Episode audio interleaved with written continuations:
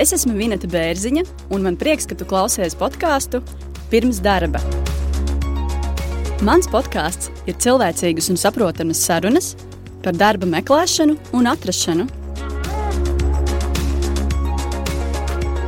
Šodien podkāstā interesantākie fragmenti no pagājušās ceturtdienas Facebook tiešraides. Man personīgi ir jautāts darba intervijā šāds jautājums ļoti, ļoti sen. Tas, tas ir nu, jā, nepatīkami diezgan. Esmu pieredzējusi to, ka vadītājs pajautā šādu jautājumu darba intervijā gluži netīšām, jo tā, kā, tā saruna varbūt ir tik ļoti tāda nu, patīkama, nu, kā to pateikt, nu, tāda kā draudzīga. Un, un, bērni? Nu, jā, un, un sāk kaut ko runāt varbūt par bērniem, tā kā nu, netīšām, un pat vadītājs pat nesaprot, nu, ka tas tiešām ir rakstīts darba likumā un to nevar. Otrā sarunā sākam iepazīstināt ar Nacionālās avio kompānijas Air Baltica personībām. Pirmais mūsu podkāstā - Kaspars Kapenieks. Es nereiz vien esmu tieši tā arī rīkojies. Paņem, teiksim, velospēdu, iekāp lidmašīnā, aizlido uz dažām dienām uz Gruziju, pabrauc riteni, atbrauc atpakaļ. Pirmdienas, svētdienas naktī ielido, pirmdienas rītā uz darbu. Nu. Tā kā, nu, tas tā ir tāda jā, priekšrocība, kas varbūt nav strādājot citās nozarēs. Kodoleks kursi - tā ir tava iespēja bez priekšzināšanām trīs mēnešos apgūt programmētāja profesiju. Pēc apmācību pabeigšanas Kodoleks palīdzēs tev atrast programmētāja darbu. Par mācībām Kodoleks kursos tu maksāsi tad, kad sāksi pelnīt vismaz 1000 eiro mēnesī. Informāciju par Kodoleks meklē podkāstu epizodes aprakstos. Pagājušo ceturtdienu notika mana pirmā Facebook tiešraide. Ciemos pie manis bija Aleksandra Čudova. Viņa ir IT, uh, IT Camp personāla atlases kompānijas vadītāja un dibinātāja. Uh, šajā laivā mēs atbildējām uz iesūtītiem jautājumiem par darba meklēšanu, uh, CV, darba intervijām un tā tālāk. Uh, šajā podkāstā dzirdēs interesantākos fragmentus no sarunām. Tā nu ir jau septiņi Čau visiem, kuri ir pieslēgušies. Labvakar! Uh, šodien pie manis ir uh, īpaša viesne, Aleksandra Čudova. Šo, šodien mana pirmā, pirmā tā kā, tāda podkāsta uh, laiva Facebookā, par ko es ļoti priecājos. Protams, arī esmu bijusi satraukta, kas ir darbāli. Un kāpēc jā, es varbūt uzaicināju tieši Aleksandru? Tāpēc man liekas, ka viņai ir lieliska pieredze, attiecīgi gan no darba meklētāja, gan arī no darba devēja puses. Jo, jo Aleksandrā ir arī gan lieli, gan arī mazi, gan vidēji klienti. Un viņa, teiksim, tā ļoti labi pārzina šo darba tirgu, kas vispār notiek. Nu, lūk, tad, jā, Aleksandra ir IT camp kompānijas dibinātāja un vadītāja. Un tālāk, varbūt nedaudz ar sevi iepazīstina, ko es daudz stāstīšu. Um, nu, vispirms gribu pateikt liels paldies par aicinājumu, jo Facebook laifā un uzreiz kaut ko pierakstīt man ir diezgan tāda. Nav iepriekšējās pieredzes, tāpēc Jā. ļoti labi, ka uzreiz varam kaut ko apvienot. Uh, Es esmu vadītāja un dibinātāja personāla atlases aģentūrā IT Camp. Galvenokārt jomā, kura mēs strādājam, tā ir IT joma. Tāpēc dažreiz arī man jautā par dažādām citām sfērām, un, diemžēl, nu, dažreiz es neko nemāku pateikt, tāpēc, ka nu, vienkārši ar to nedarbojamies. Jā, jā. Lūk, tā. Jā, tad, jā, ja kāds grib par mani kaut ko palasīt vai uzzināt vairāk, tad esmu sociālajos tīklos. Man var atrast kā Aleksandra Čūdava. Diezgan daudz rakstu, pļapāju, filmēju.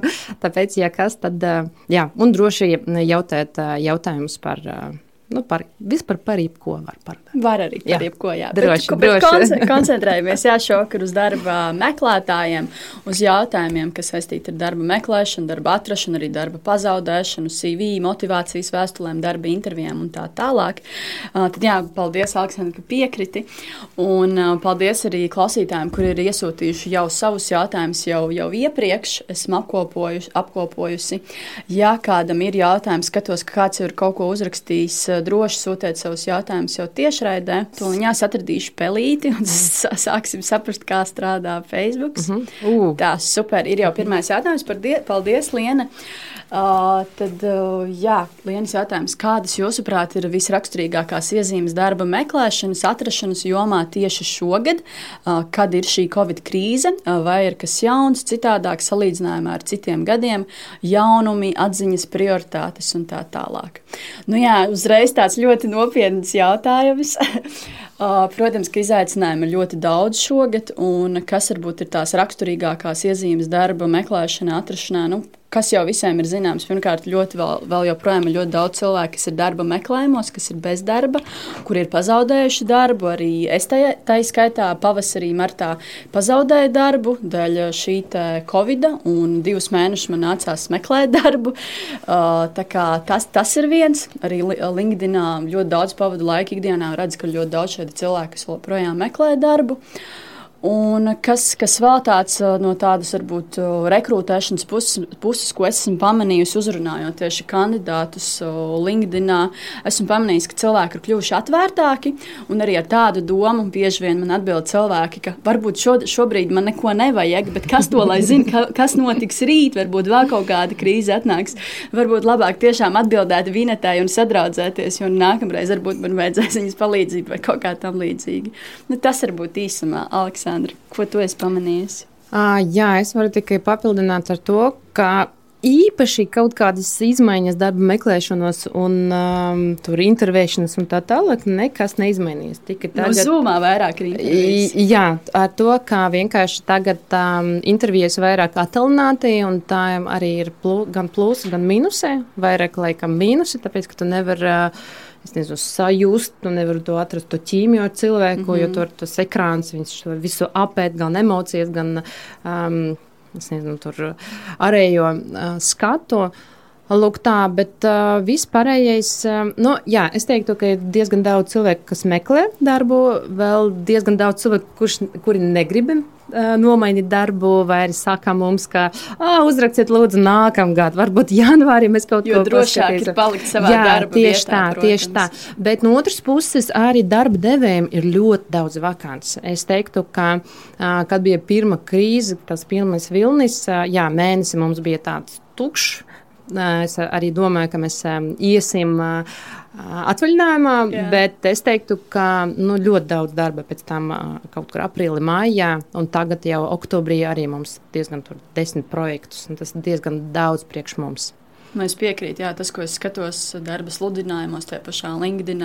No IT visu mm. laiku meklē tos jā, cilvēkus. Arī patiesi meklēju, un es zinu, cik grūti ir atrast. Tīpaši mana sāpa kādu laiku atpakaļ bija operations inženieri, jeb devops ļoti grūti atrast. Latvijā ir maz, viņi arī ļoti liels algu prasības šiem cilvēkiem. Tāpēc, ir, ir pieprasījums, tad jā, arī var jāatļauties. Jā, jā, jā.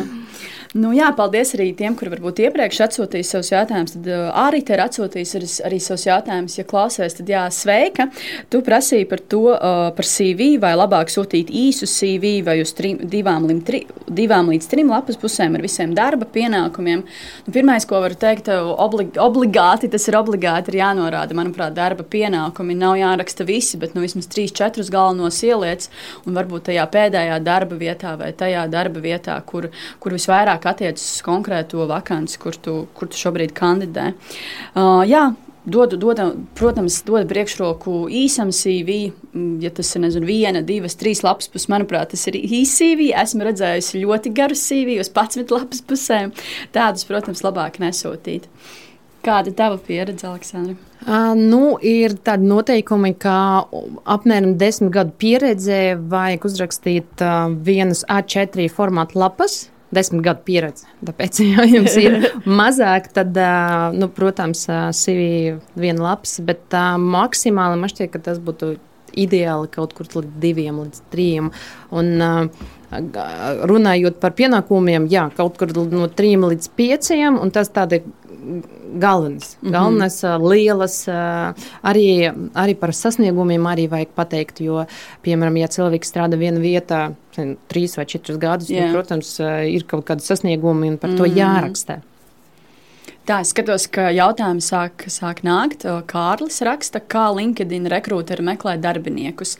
Pēc atslēgas vārdiem, prasmēm, jeb skilliem, profesijām, darba vietas vai kā. nu, jā, nu, jā, LinkedIn ir tā vieta, kuras pavadu tiešām ļoti daudz laika, un, protams, arī meklējot cilvēkus.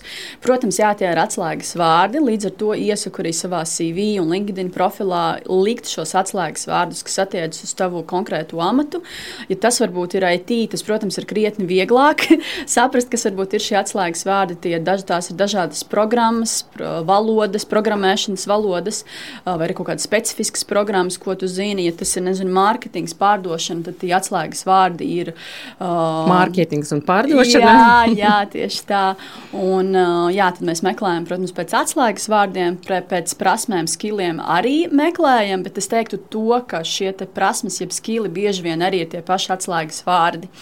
Tāpēc LinkedInā jā, ir tāda iespēja pievienot savas prasmes, noteikti iesaku to darīt, tas arī atvieglo arī mums īstenībā darbu tiem, kuri meklē šos cilvēkus. Ja mēs redzam, ka ir tās prasmes, kuras, kuras mēs meklējam, kuras ir nepieciešamas, tad arī mums vieglāk ir saprast, vai to attiecīgi deri vai nederi. Uh, profesijas, darba vietas. Nu, jā, vairāk skatāmies īstenībā. Es personīgi pēc nozares, pēc nozarēm meklēju.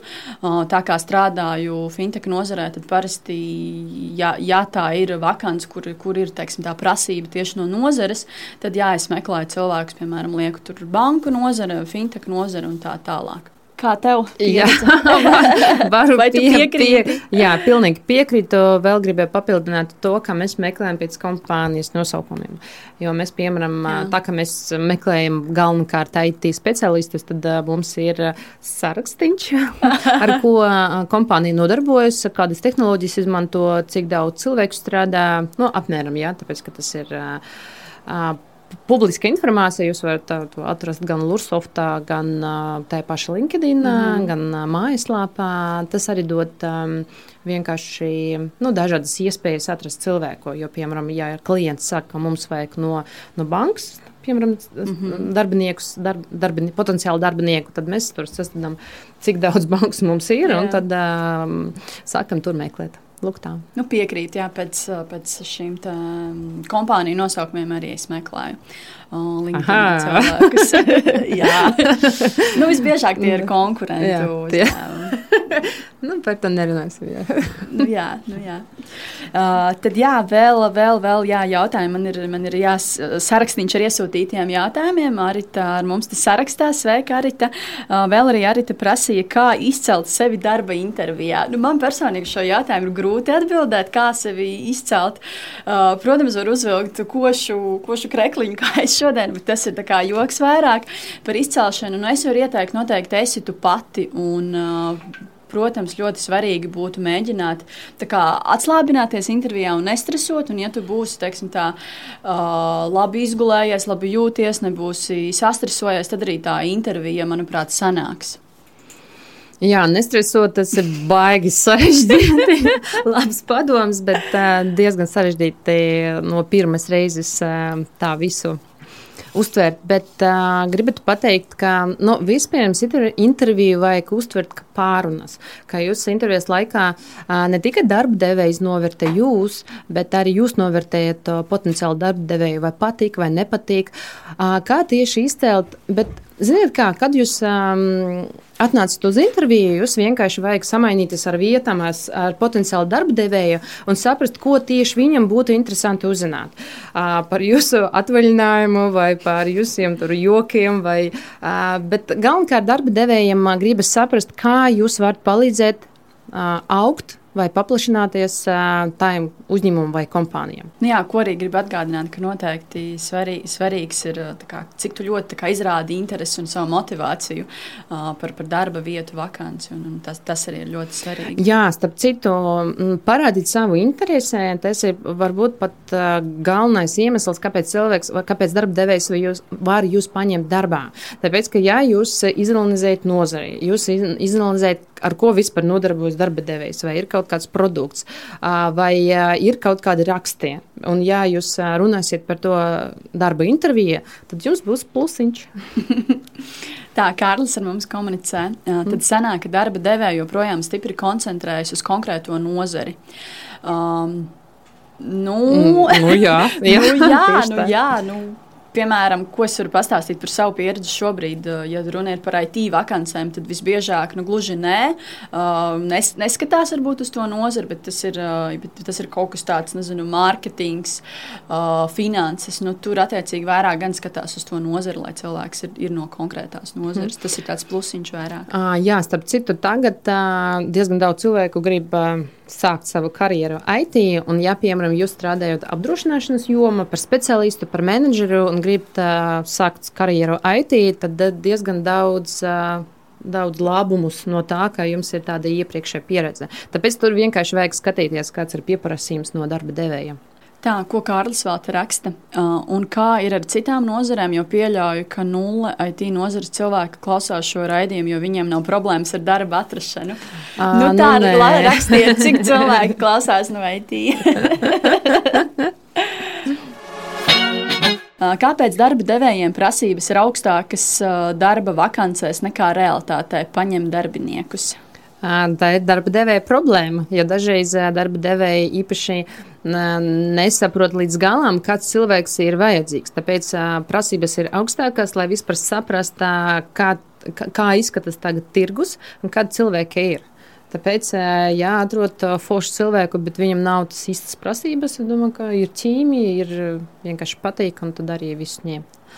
Nu, jā, tā arī īstenībā ir viena tēma, ko mēs arī podkāstā aizskārām. To, ka, uh, kurš bieži vien sastāv šos darba sludinājumus? Visbiežāk tie ir HR cilvēki, kuriem varbūt nav sapratnes.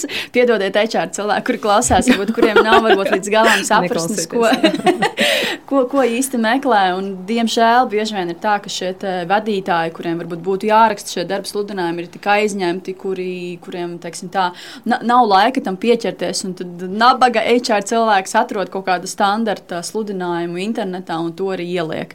Nu, diemžēl tā bieži vien ir. Tā, kas mums ir tālāk? Skatos, vai ir vēl kādi uh, jautājumi. Tā, laikam, pagaidām nav, bet, ja ir, droši sūtiet.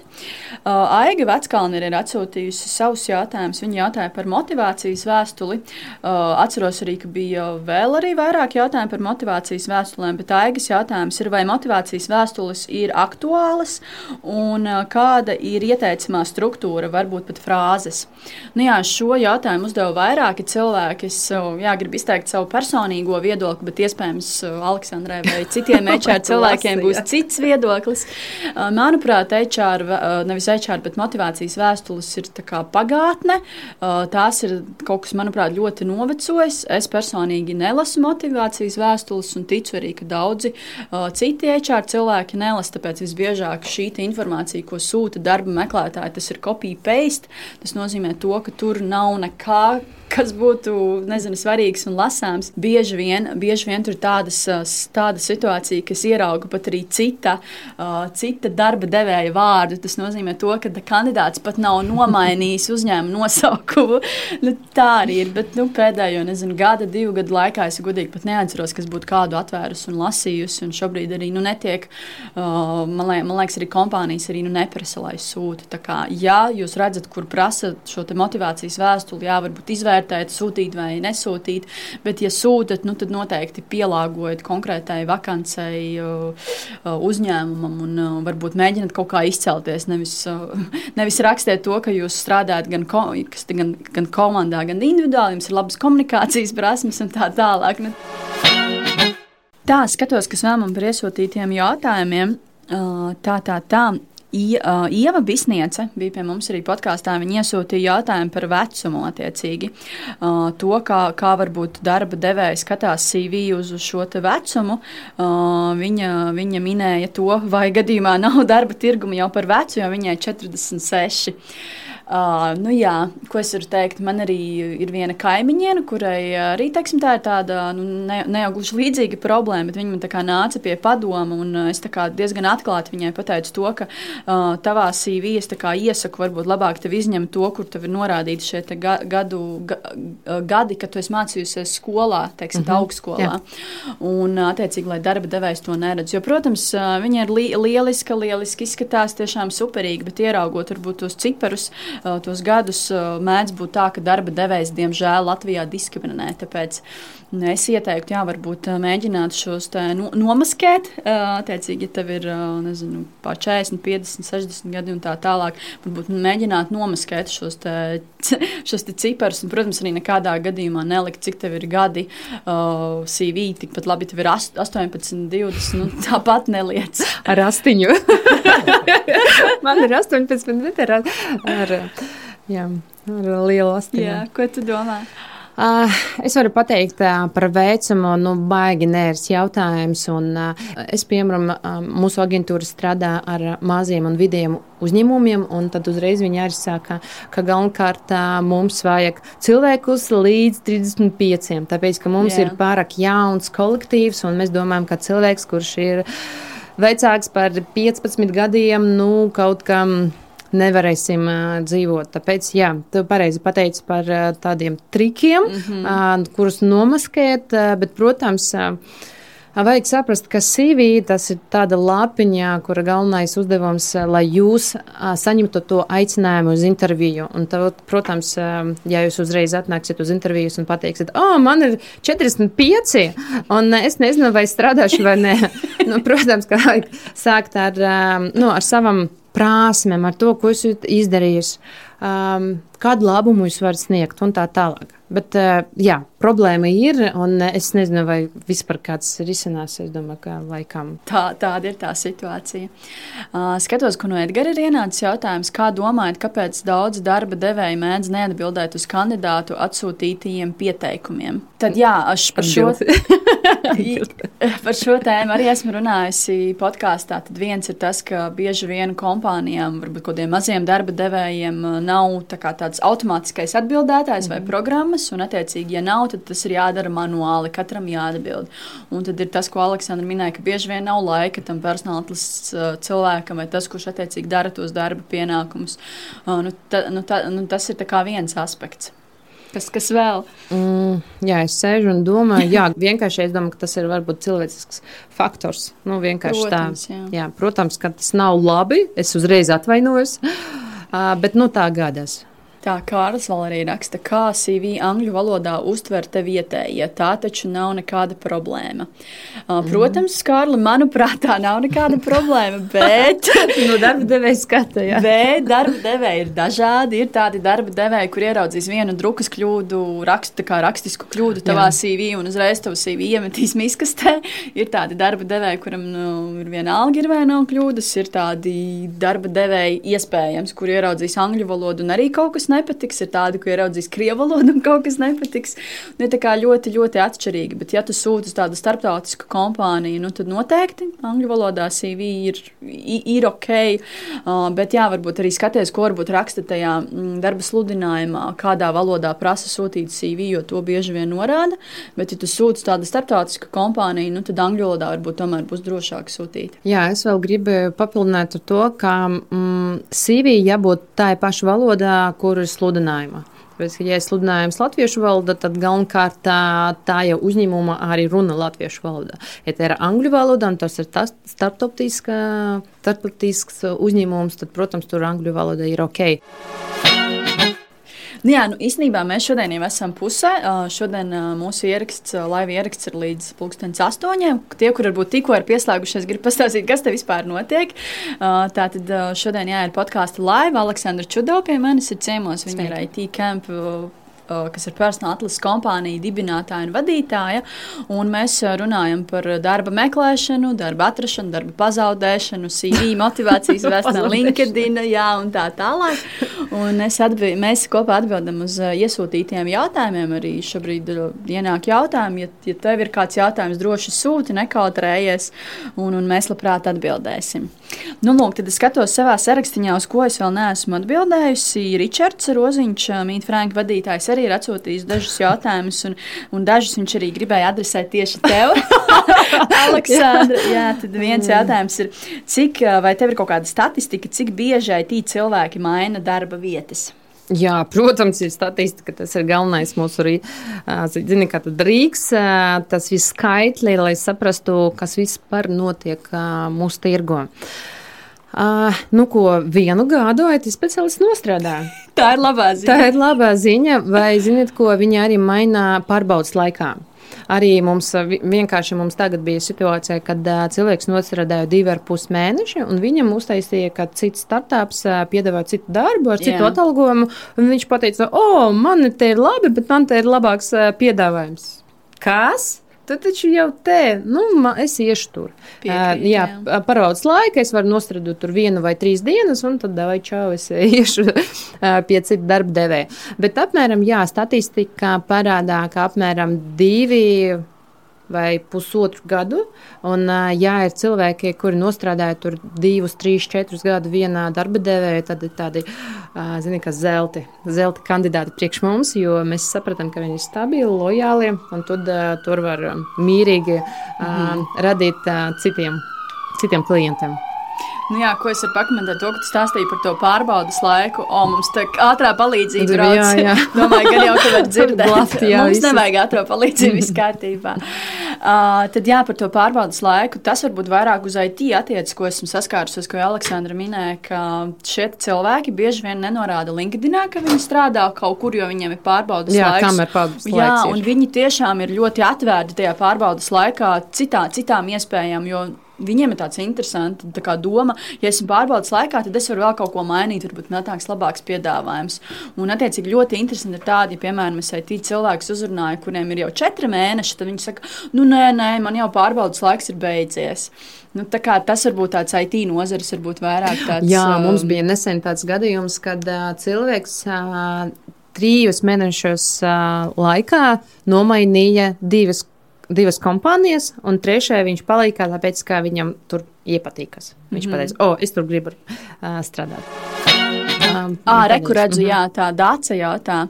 Vai darba devējs darba intervijā drīkst vaicāt uh, pretendentam, vai jums ir bērni? Protams, ka nedrīkst vaicāt šādus jautājumus. Mhm, Darba tas likumā attiecīgi ir no, paskaidrots, kas ir tie jautājumi, ko nedrīkst jautāt, un šo noteikti nedrīkst jautāt, un pat arī nedrīkst jautāt aplinkus kaut kādā veidā, jo nu, tas ir noteikti diskriminējoši.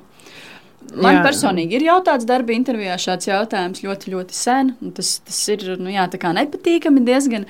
Mm. Uh, esmu pieredzējusi to, ka vadītājs pajautā šādu jautājumu darba intervijā gluži netīšām, jo tā, kā, tā saruna varbūt ir tik ļoti tāda nu, patīkama, nu, kā to pateikt. Nu, tāda Kā netīšām draudzīga. ā, pajautāt, vai tev ir Nu, bērni? jā, vai un, sāk kaut ko runāt varbūt par bērniem, Jā. tā kā nu, netīšām. un Pat Jā. vadītājs pat nesaprot, ā, nu, ka tas tiešām ir rakstīts darba likumā, un to nevar. Uh -huh. Bet tas bija kaut kad ļoti, ļoti sen, kad kaut ko tādu esmu pieredzējusi. Kā, kā tev ir? Jā, jā, es piekrītu, tas ir disk diskriminācijas jautājums, bet uh, dažreiz arī mums klienti ļoti, ļoti rēti, bet jautā. Kā mums vajadzēs vīrieši vai puiši uz to vakanci, jo tā un tā. Bet, zini, ko es tagad pamanīju, ka, piemēram, tas, tie, tie cilvēki, kuri tagad grib sākt savu karjeru IT, tieši sievietes, viņi uzreiz saka, ka man ir divi bērni vai man ir bērns. Nā, tāpēc es meklēju darbu uz puslodzi Jā. vai atalināti. Tad, nu, es nezinu, ka viņi, viņi paši saka, lai, lai atvieglotu darba meklēšanu. Nu, Man šķiet, ka, protams, darba devējiem nedrīkst to jautāt, jo tad darba devējs saprot, ka jūs ņemsiet to slimības lāpā, ka tas ir papildu izmaksās, ka jūs nestrādāsiet un tā tālāk. Varbūt no otras puses eh, tāds darba devējums jums nav vajadzīgs. Vienkārši meklēt tālāk. Tieši tā piekrītu. Nu, jā, man arī ir bijis tā, ka pats darba meklētājs darba intervijā šo te pastāsta, un varbūt mēs arī kaut ko parunājam, tīri cilvēciski. Bet, ja man ir tādi gadījumi, kad šis darba meklētājs man jau tā kā telefonu sarunā kaut ko stāsta par bērniem, nu, tad, diemžēl, es šo te pilnīgi absolūti ignorēju, jo saruna var būt ierakstīta, un, attiecīgi, es tā kā neiesaistos tādās tā kā diskriminējošās sarunās pa telefonu. Nu, tas tāds mans personīgais viedoklis. Tā zini, ka stop, nerunāj par bērniem, lūdzu. Tas nav likumīgi. Vai ne?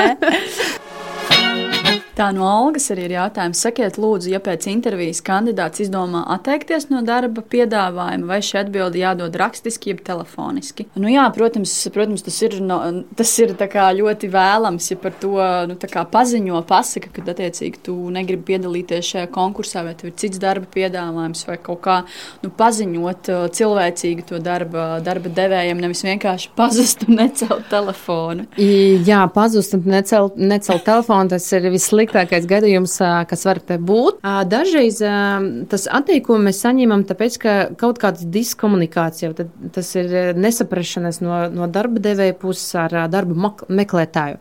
Tāpēc arī ir jēga arī pa telefonu vienkārši pateikt, ka, nu, zini, ka man tas nepatīk tas un tas. Tāpēc, ka, godīgi. Jā, tāpēc, ka dažreiz mums vienkārši bija tāda situācija, ka darba devējs ne patieši vadīja interviju, bet pārstāvējs bija. Un tas, tas nu, cits, darba, cits vadītājs, bet viņš bija pārāk agresīvs.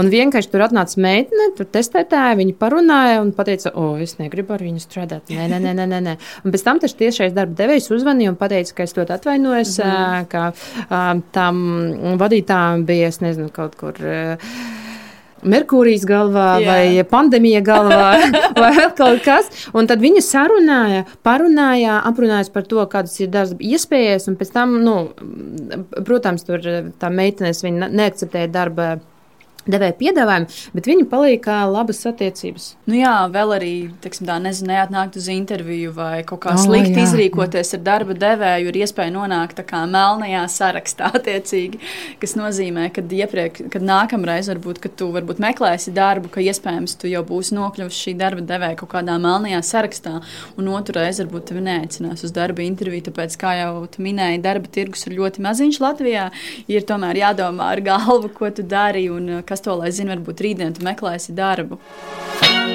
Kurā mirklī rekrūteris darba devējs kontaktējas ar iepriekšējo darba devēju, un vai tāda praksa ir piekopta? Nu, protams, šādu praksi piekopj.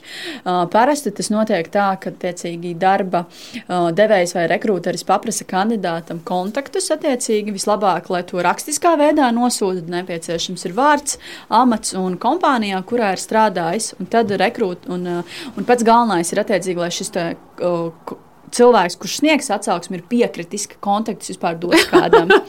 Jā, tas, nu, tas ir GDPR. Tu, tu, tu, tu zvani, es nezinu tādu darba lieku, kur jūs zvanat. Es neko nestāstīšu. Nu, jā, jā, tas GDPR attiecīgi ir jāievēro, un tad jau personāla atlases speciālists zvana un ievāc šīs atsauksmes, un visbiežāk tas ir tomēr no iepriekšējiem uh, darba, darba devējiem, jeb vadītājiem. Un, protams, var interesantas lietas uzzināt uh, bieži vien, bet es teiktu tā, ka tas varbūt nav tāds pats, pats, pats, pats mm, nu, svarīgākais, pēc kā varbūt nosaka pieņemt vai nepieņemt darbā. Jā, tas ir diezgan svarīgi tās atsauksmes, bet tomēr tas, kā tu varbūt sevi parāda darba intervijā, kādas tev tās prasmes un tā tālāk, ir, ir arī ļoti svarīgas. Un bieži vien, protams, arī prasa šīs atsauksmes vairākiem cilvēkiem, tad salīdzina, jo, nu, protams, mēdz gadīties tā, ka varbūt ir bijušas uh, sliktas attiecības ar, ar, ar iepriekšējo darba devēju, iepriekšējo vadītāju, jo, nu, vadītāji arī ir dažādi. Tas, tas tas tikai ir normāli. Noteikti slikts stils ir, ja darba devējs prasa atsauksmi esošajam darba devējam un vēl pasaka to, ka rekur Kārlis vai nezinu, Māris ir pieteicies te un es te gribu paprasīt, kā viņam tur iet. Nu, noteikti tā, tā nevajadzētu darīt. Jā, Tas es smuki. uzreiz atceros, ka mums bija tāds fails, yeah. kā mūsu klients uzvanīja pa taisno kandidāta projekta vadītājiem un pateica, Rē, nu, tavs darbinieks meklē darbu, nu, vispār par to, par to zina vai nezina. Es viņu gribu uh, darbu iekārtot pie sevis. Un tur, uh, uh, kas ir, un tad vienkārši. Uh, it kā darba devējs sarunāja, viss kārtībā, bet, uh, zini, ka pašam tam darba meklētājam bija nērti, tāpēc, ka tas viss jābūt konfidenciāli. Tā, jautājums, vēl, vēl viens jautājums no Ievas Bisnieces. Par šo jautājumu īstenībā arī esam diskutējuši podkāstā. Viņa jautāja, vai ir pieņemami, pieņemami, ja pēc nosūtītā CV es no savas puses izrādu papildu interesi par vakanci. Jā, protams, tas ir pieņemami, un droši var arī nezinu, jautāt savu feedback arī pēc intervijas. Protams, varbūt tas nebūtu priecīgi, ja to darītu tagad visi pēc kārtas, bet, ja tev tiešām ļoti gribās pavaicāt, nezinu, uzrakstīt, apvaicāties, droši to darīt dari. Nu, tas, es domāju, ka tas noteikti nav nekas slikts. Tas ir ļoti pozitīvi, ja jūs um, rādat uh, potenciālam darbdevējam, ka jums ir interese, un tad arī darbdevējs būs diezgan priecīgs par to, ka jums patīk šī vakance. Un, um, ziniet, ko, ja jūs rakstīsiet vai zvanīsiet, tad vienkārši tas parādīs jūsu iniciatīvu, jūsu komunikācijas prasmes, uh, tāpēc uh, droši rakstiet. Bet ir tā, ja, piemēram, jūs rakstīsiet, tad uh, ziniet, ka ir tāds uh, tehnisks uh, problēmas, varbūt jūs uh, vēstulē kaut kur ielidis spāmā vai vēl kaut ko, tāpēc jau nav nekādas atbildes uz jūsu, nu, uz jūsu atsūtīt vēstuli, tad, protams, var arī uzvanīt. Nu, vēl es arī iesaku, ko es personīgi iesaku, varbūt rakstīt man, varbūt labāk šos jautājumus LinkedInā, jo ar ēpastiem mēdz būt tā, ka ies, ie, iekrīt spamā vai kaut kā palaižas garām mm -hmm. tas ēpas, nu tā arī, diemžēl, gadās. Nu jā, izstāsta, ka mūsu laiks jau ir beidzies šodien. Lielas paldies visiem, kuri atsūtīja savus jautājumus. Es ceru, ka jums bija noderīgi. Kā paldies tev liels, ka piekriti. Man, bija, man personīgi ļoti patika. Un liels gods bija, ka tu piekriti atnākt aprunāties podkāstā pirms darba. Jā, paldies tev, Vinta. Paldies, Jūris, par to, ka palīdzējāt, kā aicinājāt. Un, zini, kā priekš manis arī bija ļoti noderīgi, tāpēc, ka galvenokārt es it kā strādāju ar klientiem un darba meklētājiem, bet mums ir pasīvi darba meklētāji, tāpēc Jā. mēs tā ar headhuntingu vairāk nodarbojamies un dažreiz pat nedomājam par tām sāpēm, par tās, man šķiet, ka tas ir, zini, ka Um, tad, tad jautājumi, par kuriem visi zina. Mm. Bet, uz, bet tagad es sapratu, ka diezgan daudz sāpes un nu, par to jārunā. It īpaši par vecumu, par to, kas pareizi jādara, par to motivācijas vēstuli, ka ir tendences vis, un tiešām viss mainās. Tā kā liels paldies jums, un es biju, biju ļoti priecīga piedalīties šajā pasākumā. Jā, paldies. Nu, super. Nu, labi, tiekamies noteikti kādā citā reizē. Obligāti, protams. Šī podkāstu epizode ir pusē, uzpildām kafijas krūzi un turpinām sarunas. Esam unikālā uzņēmumā Nacionālajā līdzsabiedrībā Air Baltica. Viena no kompānijām, kura tiešām strādā nevis pēc pie mums ierastajiem, bet visā pasaulē pieņemtajiem standartiem. Air Baltica ir 1200 darbinieku, un tas ir sarežģītās tehnoloģijās balstīts uzņēmums. Sarunu biedrs ir vienas no Air Baltica IT nodaļu vadītājiem Kaspars Kapenieks. Sveiks, Kaspar! Sveiki!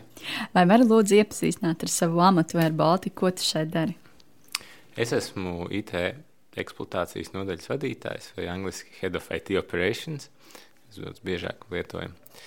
Um, un, uh, nu, mūsu nodaļas pienākums ir uh, nodrošināt visu IT sistēmu darbību.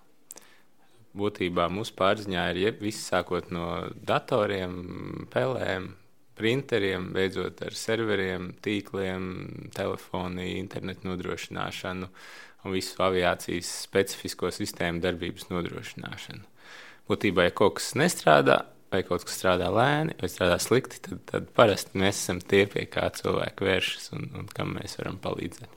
Mm -hmm. Un cik uh, kopumā ir cilvēku tavā komandā? Manā komandā šobrīd ir 14 cilvēki, um, kas iekļauj visu, jā, arī, kā jau teicu, lietotāju atbalstu, tā sistēma administrators. Un...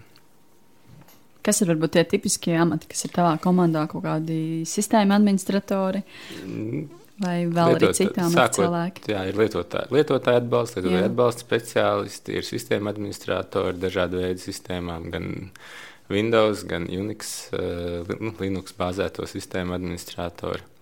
Uh, ir šobrīd arī tāds tā kā, salīdzinoši jauns amats, ko mēs saucam par DevOps speciālistu, kas ir nu, būtībā amats, kas vairāk atbild par dažādu procesu automatizēšanu. Um, un, un dažādu nu, sadarbību ar programmētājiem. Uh, bet, nu, tas mums ir šāds amats, bet patiesībā šis, šis ir kaut kas, ko, ko darām mēs visi, kas saistīts ar ko, dar, ko dara. Bet, bet nu, ir arī jā, mums ir um, viens, un drīz būs vēl viens kolēģis, kuriem pat amata nosaukumā ir, ir minēts šis te. Tad jūs esat atraduši jau šādu komandas locekli. Viens, vienu mēs esam izaudzinājuši paši, un vienu mēs esam atraduši. Viņš tuvākā laikā arī pievienosies mūsu komandai. Es prasu, tāpēc, ka šādu speciālistu ļoti grūti tirgu atrast, jo viņi nav daudz. Viņa nav daudz, bet jāatzīmē, pirms, kad mēs sākām šo iniciatīvu, šo automatizāciju mēs meklējām, un tad tiešām bija praktiski neiespējami atrast cilvēkus. jo tā bija nu, tāda jauna nozara, un, un, protams. Un tad mēs gājām ceļu, mēs mācījāmies paši, lūdzām, piesaistījām profesionālus teiksim, cilvēkus, kas to dara, kam ir pieredze, kas mums palīdzēja uh, izveidot šo infrastruktūru un uzsākt to ceļu uz, uz šo automatizāciju. Uh, un, nu, es domāju, arī mums izdevās sasniegt labus rezultātus šajā. Un, un tagad, jau, kad mēs meklējam papildus spēkus tieši ša, šam, šim te, uh, tad, uh, tad jau nu, skatoties uz to, kas pieteicās, bija tomēr bija tiešām cilvēki, kuriem jau ir šī pieredze. Jo nu, pirms gadiem trīs patiesībā jā, bija cilvēki, kas par to kaut ko zina, bet cilvēki ar pieredzi, kas var to izdarīt, jā. viņi bija nu, praktiski nebija tirgu. Tie, kas bija, tie visi bija savos uzņēmumos paši arī to apgūši. Kas par pirms mūsu tikšanās arī ieskatījos tavā LinkedIn profilā un uh, redzu, ka tu jau krietnu, krietnu laiku strādāji ar Baltiku. Cik, cik gadi jau ir? Nu, būs astoņi gadi. Patiesībā liekas, ka nemaz nu, ka sāku visam nesen. Ātri paspēja laiks. Šie astoņi gadi ir pagājuši ļoti ātri, jā, un, nu, jā, nu, nevienu brīdi nav bijis garlaicīgi katrā ziņā, un nav arī pārskatāmā nākotnē redzams, ka varētu kļūt garlaicīgi. Super. Bet kāds ir tavs stāsts, kā tu pats nonāci ar Baltiku?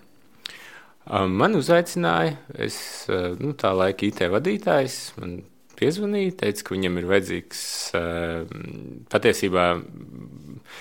Es, es tajā laikā biju arī nodaļas vadītājs mm, citā pašvaldībā. Un, eh, un tad man nu, piezvanīja un, un teica, ka nu, viņus interesē uh, sistēma administrators. Un man tas, nu, tajā brīdī es biju ilgi nostrādājis arī iepriekšējā darba vietā. Es biju tur arī izaudzis no, no lietotāju atbalsta speciālists līdz nodaļas vadītājiem, bija iesaistīts tur infrastruktūras izveidē. Un bija tāda mazliet sajūta, ka nu, kaut kas tur ir tāds padarīts, un, un ka īstenībā ir labs brīdis kaut ko sākt. Es padomāju, nu, kāpēc ne nu, iet kaut kur citur un darīt. Nu, Darīt kaut ko praktisku, kļūt par, par cilvēku, nu, tā kā kļūt par administratoru atkal. Tā kā mazliet pakāpties solīt atpakaļ, bet kā citā vietā, jaunā nozarē. Un es atnācu uz interviju, nu, mēs tur parunājām. Un pēc kāda laika man zvanīja un teica, jā, nu, mēs gribētu tevi pieņemt, bet, bet nu, tā kā nevis tajā amatā, bet mums tā kā vajadzīgs vadītājs tajā nodaļā. To var Var, varbūt, varbūt tu tā kā gribētu vadīt, nu, darīt visu to, ko mēs teicām, bet plus vēl arī nu, vadīt to, to visu. Kāpēc gan ne? Nu, pieredze man bija un, un tā es sāku šeit strādāt. Un sāki ar šo amatu, vai bija cits amats sākotnēji? Nu, sākotnēji es biju kā, sistēma administratora vadītājs, un vēlāk mēs apvienojāmies ar lietotāju atbalstu. Mm -hmm. Tā kā sapratām, ka mums ir. Nu, mēs darām vienu lietu, vienkārši tas daudz ērtāk. Un arī tādā klasiskā uzņēmumos, tomēr operations ir, ir apvienot vienā. Un, un, un tas. Kādas ir šī darba priekšrocības? Varbūt kaut kādi uh, bonusi saistīti ar ceļošanu? Nu, pilnīgi noteikti. Jā, tā ir viena laba lieta, kas ir strādājot aviācijas nozarē. Mums ir nu, būtībā tā ir tāda nu, nozares priekšrocība, kā avio kompānijas savā starpā ir vienojušās, ka uz nu, nepār, tā, tās vietas, tukšās vietas lidmašīnās, kuras nav pārdotas, kurā nav neviena pasažiera, avio kompānija darbinieki var izmantot uz ļoti īpašiem nosacījumiem. Jā tas ir ļoti labs veids, kā, teiksim, ja gribas pēkšņi kaut kur nokļūt, uz jebkuru vietu pasaulē, teiksim, vai nu, kaut, nu, sākot to, ka uz nedēļas nogali aizbraukt kaut kur paslēpot vai pasauļoties vai pavizināties ar velosipēdu, tad, tad tā ir iespēja, ko, var, ko šī nozara sniedz, jo tās cenas nemainās atkarībā no tā, kurā brīdī to biļeti pērk. Bet tā problēma ir tāda, ka, ja tā lidmašīna gadās pilna, tad, protams, darbinieks vienmēr paliks gaidot. Tas jau ir katra paša atbildība atgriezties laikā, lai būtu darbā. nu, nekādas atlaides netiek dotas, tad, tāpēc, ka tu esi tur neticis lidmašīnā. Kā ir ar tevi, vai tu pats ceļo? Es nereiz vien esmu tieši tā arī rīkojies. Paņem, teiksim, velospēdu, iekāp lidmašīnā, aizlido uz dažām dienām uz Gruziju, pabrauc riteni, atbrauc atpakaļ. Super. Pirmdienas, svētdienas naktī ielido, pirmdienas rītā uz darbu. Nu. Izklausās jau fantastiski. tā kā, nu, tas tā ir tāda jā, priekšrocība, kas varbūt nav strādājot citās nozarēs. Piekrītu, jā. Parunāsim varbūt arī par drošību, IT sistēmām un lidošanu. Kā tev ir pašam vai nav bail lidot?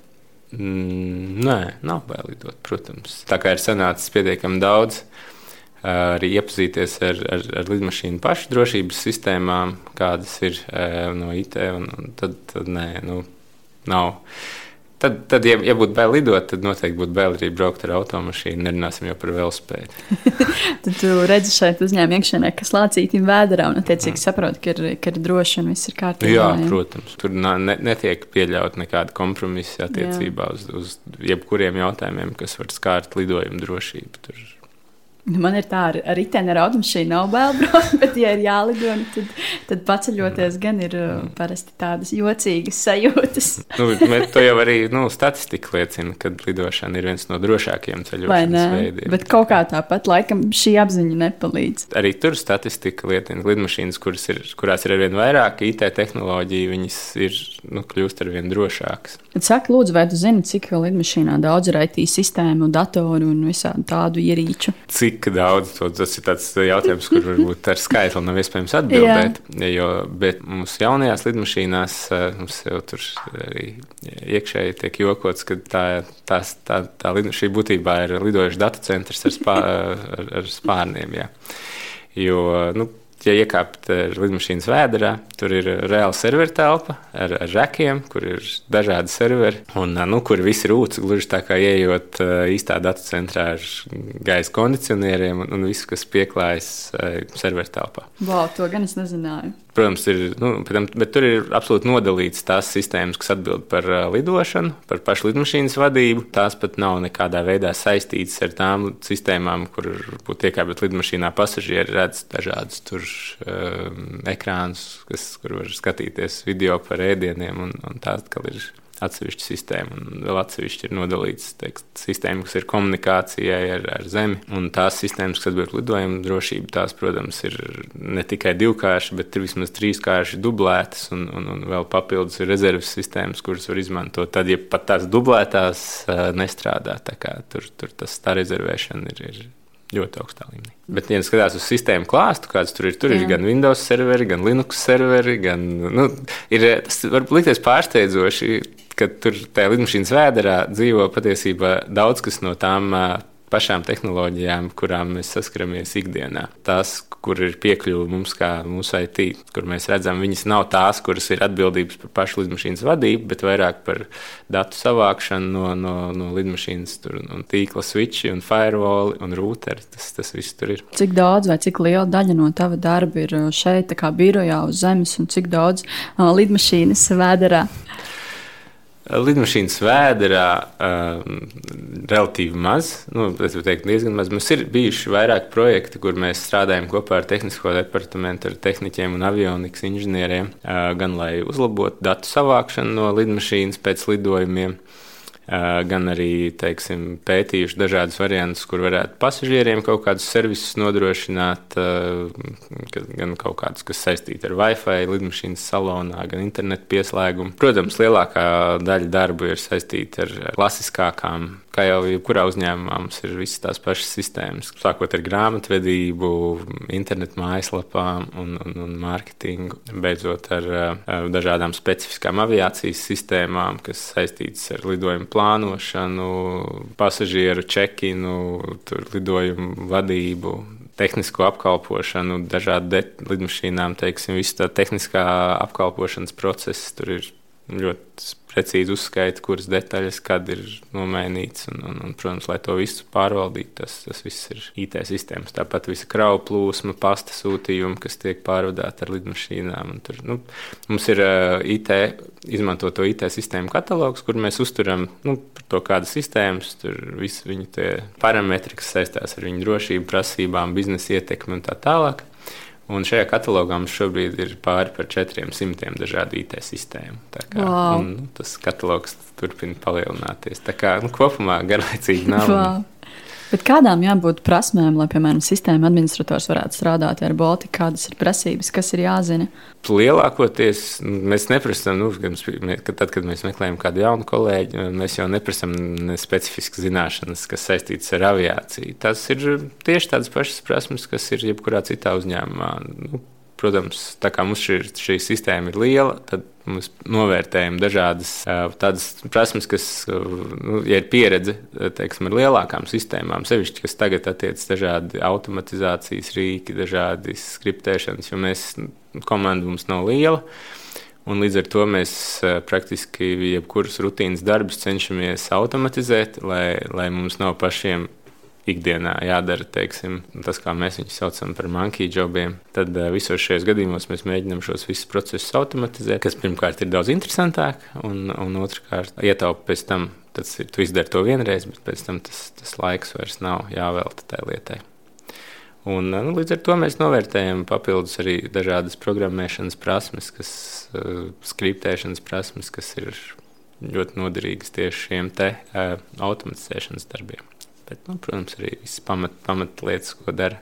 Man arī interesēja jautājums par mobiliem telefoniem. Kā ir, vai lidmašīnās tiešām šie mobilie telefoni var ietekmēt drošību? Drīzāk izējām no otras puses, kamēr nav simtprocentīgi pierādīts, ka nevar tad labāk mēs esam piesardzīgi. Šobrīd jau tiek uzskatīts, eh, nu, ka lidojuma laikā lidmašīnas ir drošas. Piemēram, šīs mūsu Airbus lidmašīnas, viņas, manuprāt, ir certificētas pilnībā, ka mobilo telefons drīkstētu būt ieslēgts visu lidojumu laiku. Ja lidmašīnā tiek ievietota jebkāda ierīce, kas raida eh, radiosignālu, eh, ir jāveic īpaša certifikācija tieši pret radio interferenci attiecībā pret, pret lidmašīnas vadības sistēmām. Tomēr drošība ir pats svarīgākais šajā visā procesā. Ja nu kāds pēc šīs intervijas sadzird un ir interesi par eh, Baltiku, varbūt var pastāstīt, kā varbūt vispār notiek atlases process tavā komandā.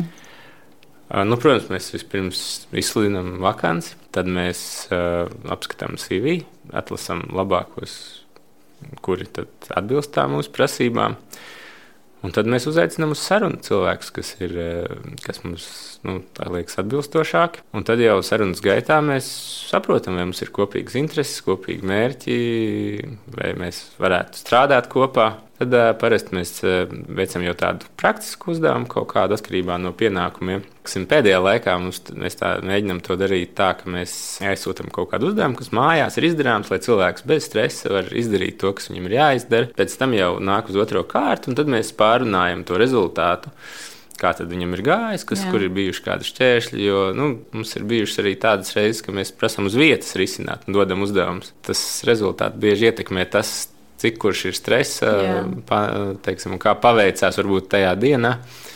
Līdz ar to jā, parasti tas ir šādā formā. Mājās izpildām uzdevumi, kurus mēs pēc tam kopīgi apspriežam. Un... Kā ar intervijām tās ir klātienē jums vai izmantojot kaut kādus rīkus? Lielākoties klātienē, tomēr, ja mums ir kā būtu, būtu kāds pretendents, kurš kurš nevar ierasties klātienē, tad mēs, protams, esam atvērti arī, arī neklātienes intervijām. Kā ir, vai šobrīd Covid dēļ ir ieviestas varbūt kaut kādas jaunas IT sistēmas? Tas Covid sākums bija tieši tāds, ka ja citiem departamentiem varbūt tās bija mazāk darba, tad mums noteikti nebija mazāk. Mēs no vienas puses uzņēmumā daudz plašāk ieviesām dažādus attēlinātā darba rīkus, kas, kas ir saistīti tieši ar video zvaniem, kopīgu darbu. Jā, šajā gadījumā mēs izvēlējāmies Microsoft uh, Office 365, saistīto Microsoft Teams un, un, un to platformu. Papildus uh, šobrīd ir uzsākts iniciatīvas par vairāk, plašāku elektroniskā parakstu lietošanu. Mums jau tā ir ļoti liela daļa, visas dokumentu aprites, viss ir uh, viss saskaņošanas, viss ir elektroniski līdz ar to, bet nu, arī tajā daļā, kur ir vēl palikusi tā papīra aprite. Uh, Eh, tas ir eh, lielā mērā vien, viens no procesiem. Patiesībā eh, atbrīvošanās no papīra dokumentiem jau ir tāda iniciatīva, kas norisinās vairāk gadu gaitā, sevišķi attiecībā uz, pil, uz lidmašīnu, uz lidojošo personālu, jo papīra apjoms, kas tika drukāts un tika ne, gatavots pirms katra reisa, bija milzīgs vēl pirms dažiem gadiem, un šobrīd jau viss, viss pāriet uz elektroniskiem. Piloti vairs nenes liels koferus ar, ar papīriem, bet uh, vienkārši ņem līdzi planšeti. Un planšetē ir, ir visi dokumenti, kas viņam jāsagatavo. Un, un šis process ir viens no tādiem ļoti būtiskiem. Sevišķi ņemot vērā, ka mēs esam ļoti internacionāla kompānija. Mums ir uh, vairāk kā 30 nacionālitāšu cilvēku uzņēmumā. Uh, līdz ar to mums ir daudz risinājumu, kuri Latvijas parastai iestādē būtu ļoti derīgi, bet mums ir tas, ka ne, ne, ne tu, ne visi ir Latvijas pilsoņi. Ne visiem ir uzreiz Latvijas ID karte rēparaksts. Ja, līdz ar to mums ir jādomā risinājumi, kas, kas strādā. Pie tam arī daudz dokumentu, ir ļoti daudz starptautisku dokumentu, kur ir jāparakstā ārvalstīs, ārvalstu, nu, arī lidojuma laikā. Līdz ar to tie risinājumi klasiskie, kas, kas varbūt der citiem, mums tā uzreiz tiešā veidā nestrādā. Varbūt var pastāstīt par savu komandu, ko, ko tavs komandas cilvēki varbūt dara brīvajā laikā, kāda viņiem ir hobija. Varbūt tev ir Kā, kāds nu, hobijs? Kuram, jā, mums ir ļoti plaši, man liekas, ir, ir cilvēki, kas, um, teiksim, ir kolēģi, kas, kas ir darbojas zemesardzē, uh, ir uh, kolēģis, kas nodarbojas ar tautas tejām un hokeju, uh, kolēģis, kas pats būvē māju. Un, un ir kolēģi, kas, protams, spēlē mūzikas instrumentus. Um, tas, jā, hobiju klāsts ir, ir ļoti plašs, un tas, protams, ir ļoti interesanti arī nu, komandā. Kādus jūs darba pasākumus izvēlaties? Kādus aktīvākus vai tieši otrādi? Um, darba pasākums. Nu, man, man pašam ir tāds hobijs uh, reizēm organizēt dažādus brīvā laika pasākumus draugiem, uh, kaut kādas orientēšanās spēles uh, un tam līdzīgas. Un tad arī es šo izmantoju organizējot darba pasākumus ik pa laikam. Organizēju kolēģiem kādu izaicinājumu dabā. Tad, kad tu organizē, piemēram, savai komandai, kā ir atsaucība, vai viņi, pies, vai viņi ir aktīvi un, un pavalkās līdzi? Protams, ir cilvēki, kuriem nu, kur, kuriem tas nav pārāk interesanti un nekas jau nav obligāti. Bet, eh, bet nu, liela, liela daļa ir tādi, kas labprāt piedalās. Pēc uh, mūsu sarunās saklausīju, ka šeit strādā diezgan daudz izglītotu cilvēku, tā skaitā arī piloti. Un kā tev šķiet, vai tavai IT komandai ir vieglāk strādāt, ka ir tik daudz izglītotu cilvēku uzņēmumā? Nu, protams, jo nu, mums nav pārāk jāsaskarās ar tādu, tādu computer literacy problēmām. Nu, tas tā nav lieta mums ikdienā. Mēs varam daudz vieglāk ieviest dažādas, varbūt sarežģītākas IT sistēmas. Mums nav, uh, nu, jā, nav jāmāca cilvēkiem pamatlietas. Tas, līdz ar to mums, mums net, net, nenāks tērēt pārāk daudz resursu, risinot vienkāršas problēmas. Tad tas noteikti atvieglo darbu un padara to darbu arī interesantāku. No, jā. Vai tev šobrīd, vai arī tavā komandā ir kādi interesanti projekti, pie kā strādājat? Protams. Kurus var atklāt? Protams, jā, projektiem ir visu laiku kāda projekta. Nu, viens no tiem, ko mēs jau aprunājām, jā, ir, ir, ir šis automatizācijas projekts, jā. kur mēs viens, viens no mūsu tādiem strateģiskiem mērķiem ir, ir atvieglot šo programmētāju darbu, lai viņiem nav jādomā par infrastruktūru, lai viņi var vienkārši programmēt. Ehm, un tad, kad viņi savu programmu ir pabeiguši, tad attiecīgi tālāk jau automātiski viss nokļūst tur, kur tam jānokļūst. Vai nu testa vidēs, vai produkcijas vidēs, lai testētāji var notestēt. Un, un tad, kad tas ir gatavs, tad tas vienkārši sāk strādāt. Tas ir tāds, tāds viens tāds liels projekts, kurā ir iesaistīta praktiski visa komanda. Un tad, protams, ir tāds. Nu, no tādām lielām iniciatīvām ir uh, būtiski uzlabot uh, pasažieru pašapkalpošanās iespējas. Pārveidot to, to teiksim, tā kā šobrīd, ja, ja biļeti nopērk, biļeti var nopirkt mūsu mājaslapā, bet pēc tam viss, kas notiek, ļoti maz ko iespējams izdarīt pašam. Lielākoties visas izmaiņas ir, ir jāveic ar zvanu centru, kas šajā Covid krīzē izrādījās liela problēma, jo zvanu centrs fiziski vienkārši netiek galā ar visām tām izmaiņām, kuras ir jāveic. Līdz ar to ir tāda ļoti strateģiska iniciatīva šo sistēmu ļoti būtiski pilnveidot. Un, principā, visas lietas, visas izmaiņas, ko, ko cilvēki var veikt ar savām biļetēm, viņi tad varētu arī veikt tiešā veidā, bez neiesaistot, nezvanot nekur, vienkārši ieejot mūsu mājaslapā, apskatoties savas rezervācijas un viņas pamainot vai datumus vai vārdus, vai nu, kas nu konkrētai biļetē ir iespējams. Un piemaksājot, ja jāpiemaksā. Un, un tas ir arī jā, tāds projekts, kad ir ļoti daudz dažādu gan infrastruktūras izaicinājumu, gan arī IT drošības izaicinājumu, jo tur, protams, ir saistīts gan personas datu aizsardzības jautājumi, vēl viss, kas saistās ar, ar šo te elektronizāciju, ar planšetēm, gan tehniķiem, gan pilotiem, kas saistās ar datu apmaiņu tieši starp starp lidmašīnām. Šobrīd arī tāds, kā attēlot visus datus, jo no esošajām lidmašīnām jaunajām mēs saņemam, varam saņemt ļoti daudz datus gan lidojuma laikā, gan pēc lidojuma. Kā tos datus savākt, kā viņus apkopot, kā no viņiem to izvilkt to labumu. Tur, protams, vairāk ir iesaistīti tieši kolēģi no analītiķa, projektu vadītāji. Nu, mūsu uzdevums ir nodrošināt šo infrastruktūru, lai varētu to visu izdarīt. Paldies, Kaspar, par sarunu. Es dzirdu, ka tev ir daudz izaicinājumu. Tu jau ilgus gadus strādā šeit, un izklausās, ka viss patīk, un arī plāno turpināt. Paldies, ka padalījies par savu komandu. Paldies! Jūs noklausījāties podkāstu pirms darba. Katru otrdienu es publicēšu jaunu epizodi. Lai nepalaistu to garām, sadraudzējies ar mani Apple un Google podkāstu platformās un Spotify. Seko podkāstu tapšanas stāstiem Facebook un Instagram. Raksti komentārus, iesaki sarunu tēmas, pastāsti savu darba meklēšanas stāstu. Uz sadzirdēšanos!